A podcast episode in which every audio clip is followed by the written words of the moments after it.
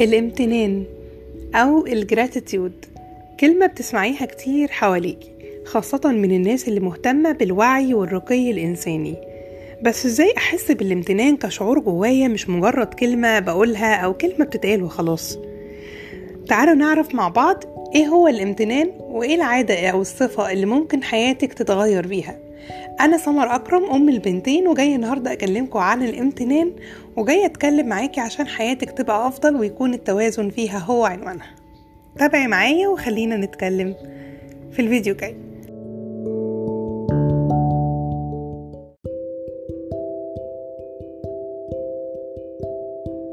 الامتنان أو الجراتيتيود عشان ما تبقاش مجرد كلمة بتتقال حوالينا تعالوا نعرف يعني إيه امتنان. ليه جاي أكلمكم النهارده عن الامتنان؟ لأني مؤمنة جدا إنك لو ركزتي عن الحاجات اللي عندك والنعم اللي ربنا اداهالك كل ده هيعود عليكي بالوفرة والراحة وكمان إحساس الاكتفاء. لما جربت عادة الامتنان لقيت إن أنا بطلت أركز على الحاجة اللي كانت ناقصاني. طيب يا سمر هو الموضوع بسيط قوي كده؟ مش دايما.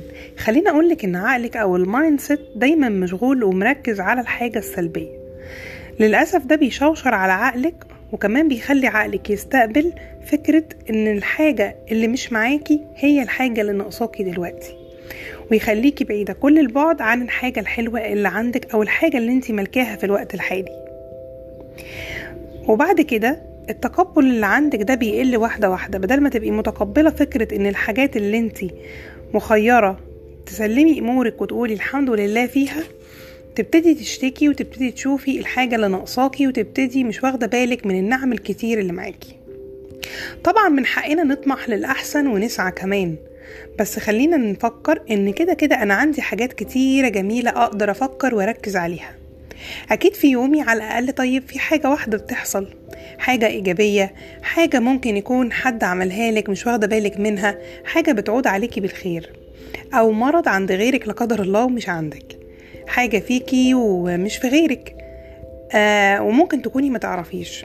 حاجة انت بتتمنيها ممكن تكون في نظرك حلوة قوي بس هي ليها جانب سلبي تاني ممكن يعود عليكي بحاجة سلبية. كلمة حلوة على مدار اليوم من حد انت بتحبيه أهلك ولادك شريك حياتك صاحبتك. ممكن طبعا تكون دي نعمة من ربنا ونركز عليها. حتى النفس وفرصة كل يوم بيعدي علينا وفرصة إن إحنا لسه عايشين وربنا الحمد لله مدينا الفرصة دي دي نعمة. من هنا جت مهمة أو كراسة الامتنان. إيه كراسة الامتنان؟ هكلمك عن كراسة الامتنان في الجزء الجاي.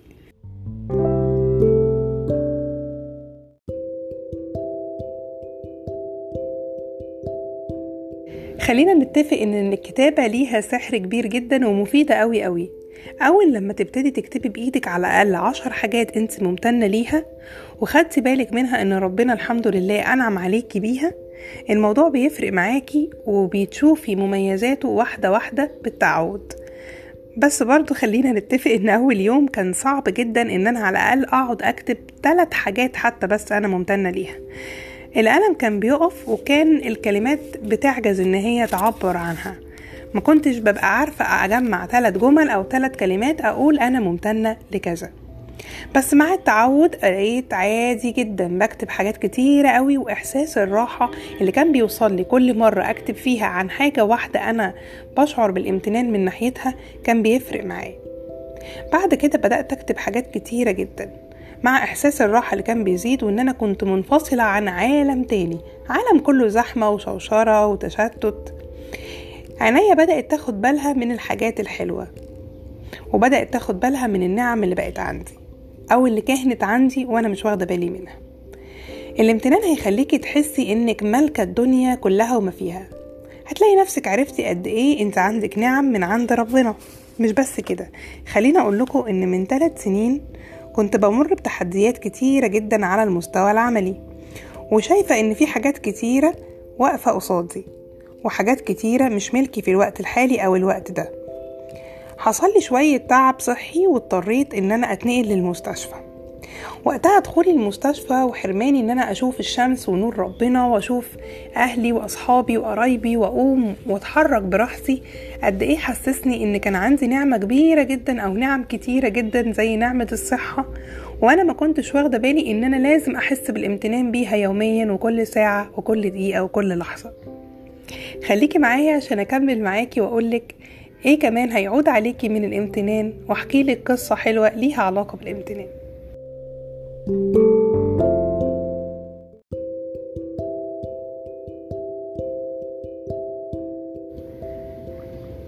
في تالت جزء وبتكلم عن صفة الامتنان. خليني أقولك إن فوائد الامتنان كتيرة جدا. أول حاجة إن انت هتعرفي قيمة كل حاجة معاكي دلوقتي. هتحسي بقيمة كل حاجة حواليكي وكل حاجة ربنا اداهالك. ولما تحسي بالحاجة اللي معاكي دلوقتي اللي هيفرق معاكي إنك هتعرفي تحسي بالحاجة اللي هتبقى معاكي بعد كده. لكن لو انت مش حاسة بقيمة ونعمة الحاجة اللي انت ملكاها حاليا خليني أقولك إنك مش هتعرفي تحسي بقيمة الحاجة التانية. بالعكس واحدة واحدة هتفقدي حتى الحاجات اللي كانت معاكي. مش هتبقى كمان هي موجودة لأنك بطلتي تمتني ليها أو تحسي بنعمتها. طيب صفة الامتنان دي صفة واضحة. صفة صريحة جدا وصفة صادقة جدا جدا. نقدر نستخدمها مع الأشخاص مش بس الأشياء يعني ممكن جدا كمان تبقي ممتنة لشخص. بيدعمك بيساعدك مش شرط تكون صفة فيكي أو صفة بتحصل أو حاجة حصلت على مدار يومك. إزاي أعرف أنمي صفة الامتنان؟ عن طريقتين. أول طريقة إنك أنت تفكري كده. لو الحاجة اللي مضايقاكي أو الحاجة اللي مخليه يومك مش لطيف أو شايفة إن هي عادي إنها تكون موجودة معاكي. لو الحاجة دي راحت منك تماما تماما. يعني لو الشخص اللي مضايقك أو الدراسة اللي مضايقاكي أو الشغل اللي مقريفك على الصبح ده خلاص راح منك خالص. يا ترى إحساسك هيبقى إيه وهتبقي عاملة إزاي؟ لو الشخص اللي مضايقك ده راح خالص ولا قدر الله مات أو الدراسة دي فقدتيها أو شغلك ده خلاص استقلتي منه يا ترى هتبقي حاسة بإيه؟ إيه الشعور اللي هيوصل لك؟ فكري كده كويس وتابعي معايا الجزء الجاي عن الامتنان.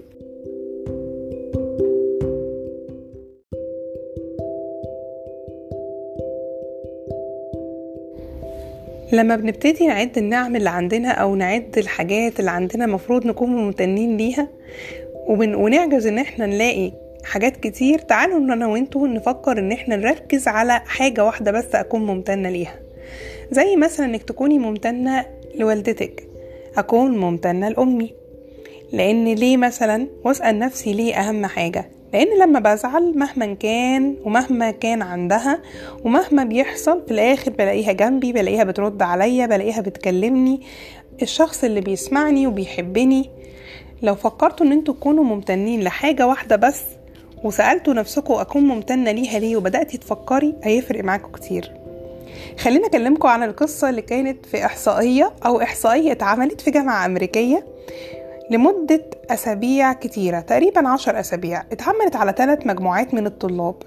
المجموعة الأولى طلبوا منهم يعدوا من ثلاث لخمس أشياء يكونوا ممتنين ليهم ثلاث خمس حاجات بس يكونوا ممتنين ليهم. والمجموعة التانية طلبوا منهم إن هم يكونوا ممتنين على حاجة واحدة بس. يعني يشوفوا صفة واحدة أو حاجة واحدة بس يكونوا ممتنين ليها. أما المجموعة التالتة طلبوا منهم يعدوا كل الحاجات الممتنين ليها في حياتهم. كل الحاجات مش حاجة واحدة ولا اتنين. اللي حصل إن هم لقوا إن المجموعة الأولى أكتر مجموعة التوتر فيها قل وبقت أكتر راحة وإنتاجهم كمان في الدراسة اتحسن وزاد جدا. المجموعة الأولى اللي امتنت أو عدت تلات خمس أشياء بس امتنوا ليها مع معرفة السبب. كمان في طريقة تانية تقدري إن انتي تزودي بيها أو تنمي بيها صفة الامتنان. تابعي معايا في الجزء الأخير عشان تعرفي إزاي تنمي صفة الامتنان بطريقة تانية.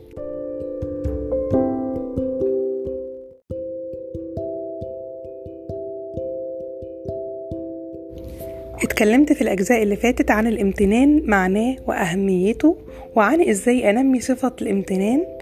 المرة دي هتكلم معاكم عن طريقة تانية أنمي بيها صفة الامتنان وكمان فوايد الامتنان واللي هيعود عليكي منه. تاني طريقة زي ما ذكرت قبل كده الكتابة. الكتابة بتفرق جدا. واحدة واحدة هتلاقي الموضوع كان صعب في الأول أو هيبقى صعب معاكي إنك تكتبي حاجة واحدة أو اتنين على مدار يومين أسبوع شهر. خدي الوقت اللي يريحك واكتبي وحاجة أو اتنين عادي جدا. واحدة واحدة هتبدأي تلاقي نفسك بتتلككي عشان تكتبي حاجات كتير انت ممتنة ليها. فالكتابة حاولي تكتبي بإيدك الحاجة اللي انت ممتنة ليها وهتشوفي الفرق. طب إيه الفوائد اللي بتعود عليا من الامتنان؟ أول حاجة هتعود عليكي من الامتنان أو صفة الامتنان التكيف. التكيف إن انت تتكيفي مع الحاجة اللي حواليكي. وكمان هتلاقي نفسك بقيتي بتشوفي الحاجة الجميلة. من آخر كده كأنك هتخلقي أشياء جميلة من عدم. فالتكيف هيفرق معاكي جدا. كمان لما يقابلك صعاب أو تحدي أو ايشو في حياتك هتلاقي واحدة واحدة سلمتي أمورك لرب العالمين وبقيتي تبصي على الدرس اللي طلعتي بيه أو اتعلمتيه من الموقف اللي حصل. توني روبنز بيقول إن عادة الامتنان مش ممكن ابدا تتجمع أو تلاقيها موجودة مع الخوف اللي عند الإنسان. فحاولي تطلعي الخوف وتخلصي منه إن انت تمتني للحاجة الحلوة اللي معاكي عشان تاخدي بالك إن الحاجة اللي معاكي دي تفضل موجودة بوفرة وبزيادة وربنا كمان يبعتلك الحاجة التانية والتالتة والرابعة اللي انت بتتمنيها. زي ما اتفقنا لو إحنا مش ممتنين للحاجة اللي معانا واحدة واحدة هنفقدها. حاجة كمان هتعود عليكي من الامتنان وهي إن ثقتك هتزيد. هتلاقي عندك ثقة عالية وإحساس بالاكتفاء إن أنت كفاية. ودي حاجة مهمة جدا إنك تحسي بأيام انف أنا الحمد لله رب العالمين أنا عندي اكتفاء. وده هيفرق كتير معاكي. وتالت حاجة وآخر حاجة السلام والسكينة ودي حاجة مهمة جدا. لما تمارسي عادة الامتنان واحدة واحدة هتلاقي اتخلق جواكي سلام روحاني وسلام كده وسكينة وهدوء وهتلاقي الدنيا معاكي بقت أقل توتر ولقيتي كل حاجة بقت جميلة وبدأتي تمتني للحاجات اللي كنتي بتشوفيها عادي قدامك ومبتاخديش بالك منها. جربي عادة الامتنان وأنا كمان هطلب منك تمارسي عادة الامتنان وتشرحيها على الأقل الاتنين تعرفيهم. عرفيهم إيه هم الامتنان وعرفيهم إزاي يمارسوا عادة الامتنان وإزاي ينموها وابدأوا اعملوا مع بعض زي buddy أو زي partner واتكلموا مع بعض كل يوم عن عادة الامتنان في الصباح والمساء قبل ما تناموا. كنت معاكم سريعا بتكلم عن الامتنان يا رب أكون فدتكم أتمنى ليكي النجاح والتوفيق.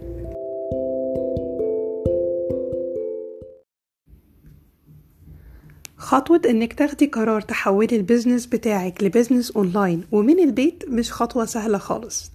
تابع معايا وتعالى أقولك لو عندك فكرة business أو عندك مشروعك الخاص أو في فكرة في بالك بس قلقانة تاخد من بيتك ومن ولادك ومن حياتك الشخصية إزاي تقدري تبدأي؟ ومن البيت يبقى عندك business based online من البيت أو from home تابعي معايا في الحلقات الجاية ووعدك أقولك كل يوم معلومة جديدة تقدري من خلالها تحولي المشروع بتاعك أو ال business ل business online وتعيشي حياة كلها توازن وسهلة وبسيطة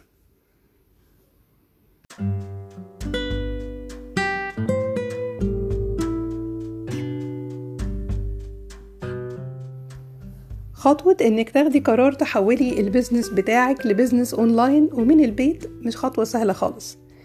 كل يوم هقولك معلومة إزاي تقدري تحولي فكرة مشروع خاص أو ال business بتاعك already موجود أو الفكرة لسه في بالك وحابة تبدأي بس قلقانة تيجي على حياتك الشخصية والعملية وبيتك وولادك.